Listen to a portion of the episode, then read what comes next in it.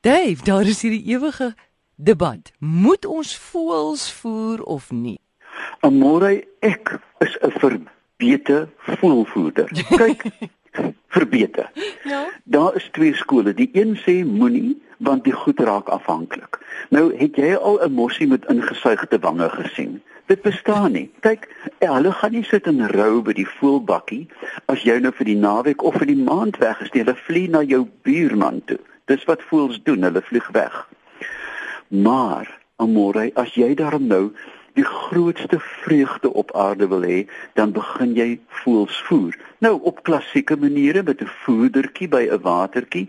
Maar weet jy wat doen ek? Ek het 'n groot ruigte voor my kombuisvenster wat ek daar laat groei en dit bestaan uit 'n um, wilde dagga. Nou voer ek binne in daai boom Nou staan ek geskottelgoed was, jy weet, heel voorstedelik. En ek het hierdie fabelagtige spel voor my venster van voeltjies wat beklei oor kos en lekker eet en so aan. Maar ons moet net 'n paar goed in gedagte hou. Dat 'n tuin bestaan uiteraard uit, uit is 'n habitat, net. Met woorde, 'n habitat is 'n blyplek vir voëls en vir jou slakke en jou kat uh, Karel en so aan. Maar binne in hierdie habitat is daar nisse. Nou, daar's 'n voedingsnis daar waar hulle eet. Daar is 'n broeinis daar waar hulle nes maak en dan ook 'n skuilnis daar waar die haai daar so blerts op jou kar in die aande, jy verstaan. Nou, ons praat hier van dorp of stedelike tuine. En natuurlik, hulle bestaan gewoonlik uit oopte. Daar is 'n grasperk of 'n plaveisel Dan is daar die kroon van bome waar die duwe sit en koer. Gewoonlik en hopelik is daar 'n klein vlei landjie en dan baie belangrik 'n ruigte waar diere of voëls kan wegkruip.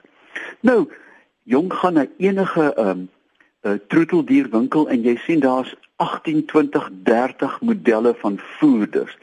Party lyk na die Gupta se huis, jy weet vier verdiepings met 'n swembad op die derde verdieping. Eh, eh, daar is selfs 'n kantla voerders, jy verstaan grootes met ja? damme. Maar dan is daar die meer nederige soos ons netlik ons nederige siele nou pas, jy verstaan, 'n ou klein voerdertjie. En dit bestaan gewoonlik uit 'n uit 'n silo, 'n klein silo waar die kos nou uitloop.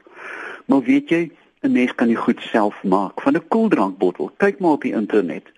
Daar's hoeveel voorbeelde. Jy druk eenvoudig twee byna soos breinaalde deur die bottel onder, die voeltjie sit daarop en sny met 'n mes 'n gaatjie in die kos loop daardeur. So mens kan eintlik baie maklik dit self doen. Maar jy weet, mens kan natuurlik dan ook meelwurms koop, is like 'n nare blinkwurms, maar die voels raak stapelgek daaroor. En dan natuurlik vars vrugte amore. As jy 'n papaja het wat te ryp geword het of 'n piesang wat begin pap word, mm.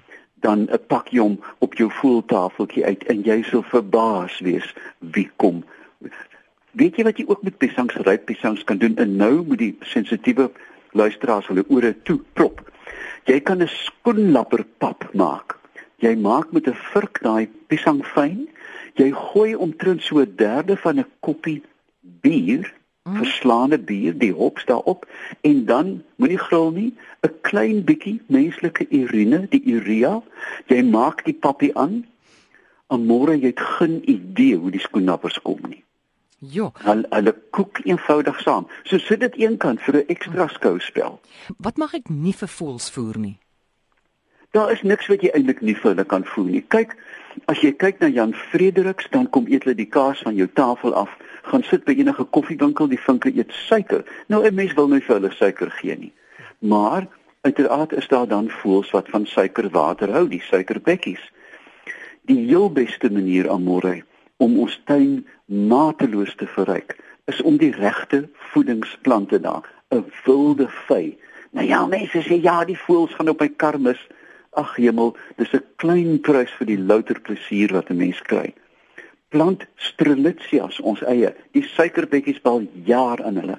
Plant wilde dagga, plant vuurpyle. Dit is almal hierdie lieflike plante wat voels mal oor is. En dan amore in die lente by jou voerbak, vat 'n ou kussing of 'n kussing op en sit 'n bakkie met vere daar en dan sien jy hoe baie jaar hulle en bou hulle nes. Dave, kan mense hase en eekorinkies ook voer? Wilde hase in die veld al te seker.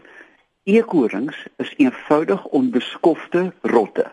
Hulle hoort nie by ons nie. Ek praat nou van die grys eekoring. Ja. Hulle is afstotelike diere wat voel se eiers opvreet, jou huis se isolasie opeet. Ek kan vir jou resepte gee. Mm. Heerlike eekoring kasserol, eekoring op stokkies. en Die Amerikaners is mal oor eekoring. Ja. Kyk uit lekker boutjies hoor.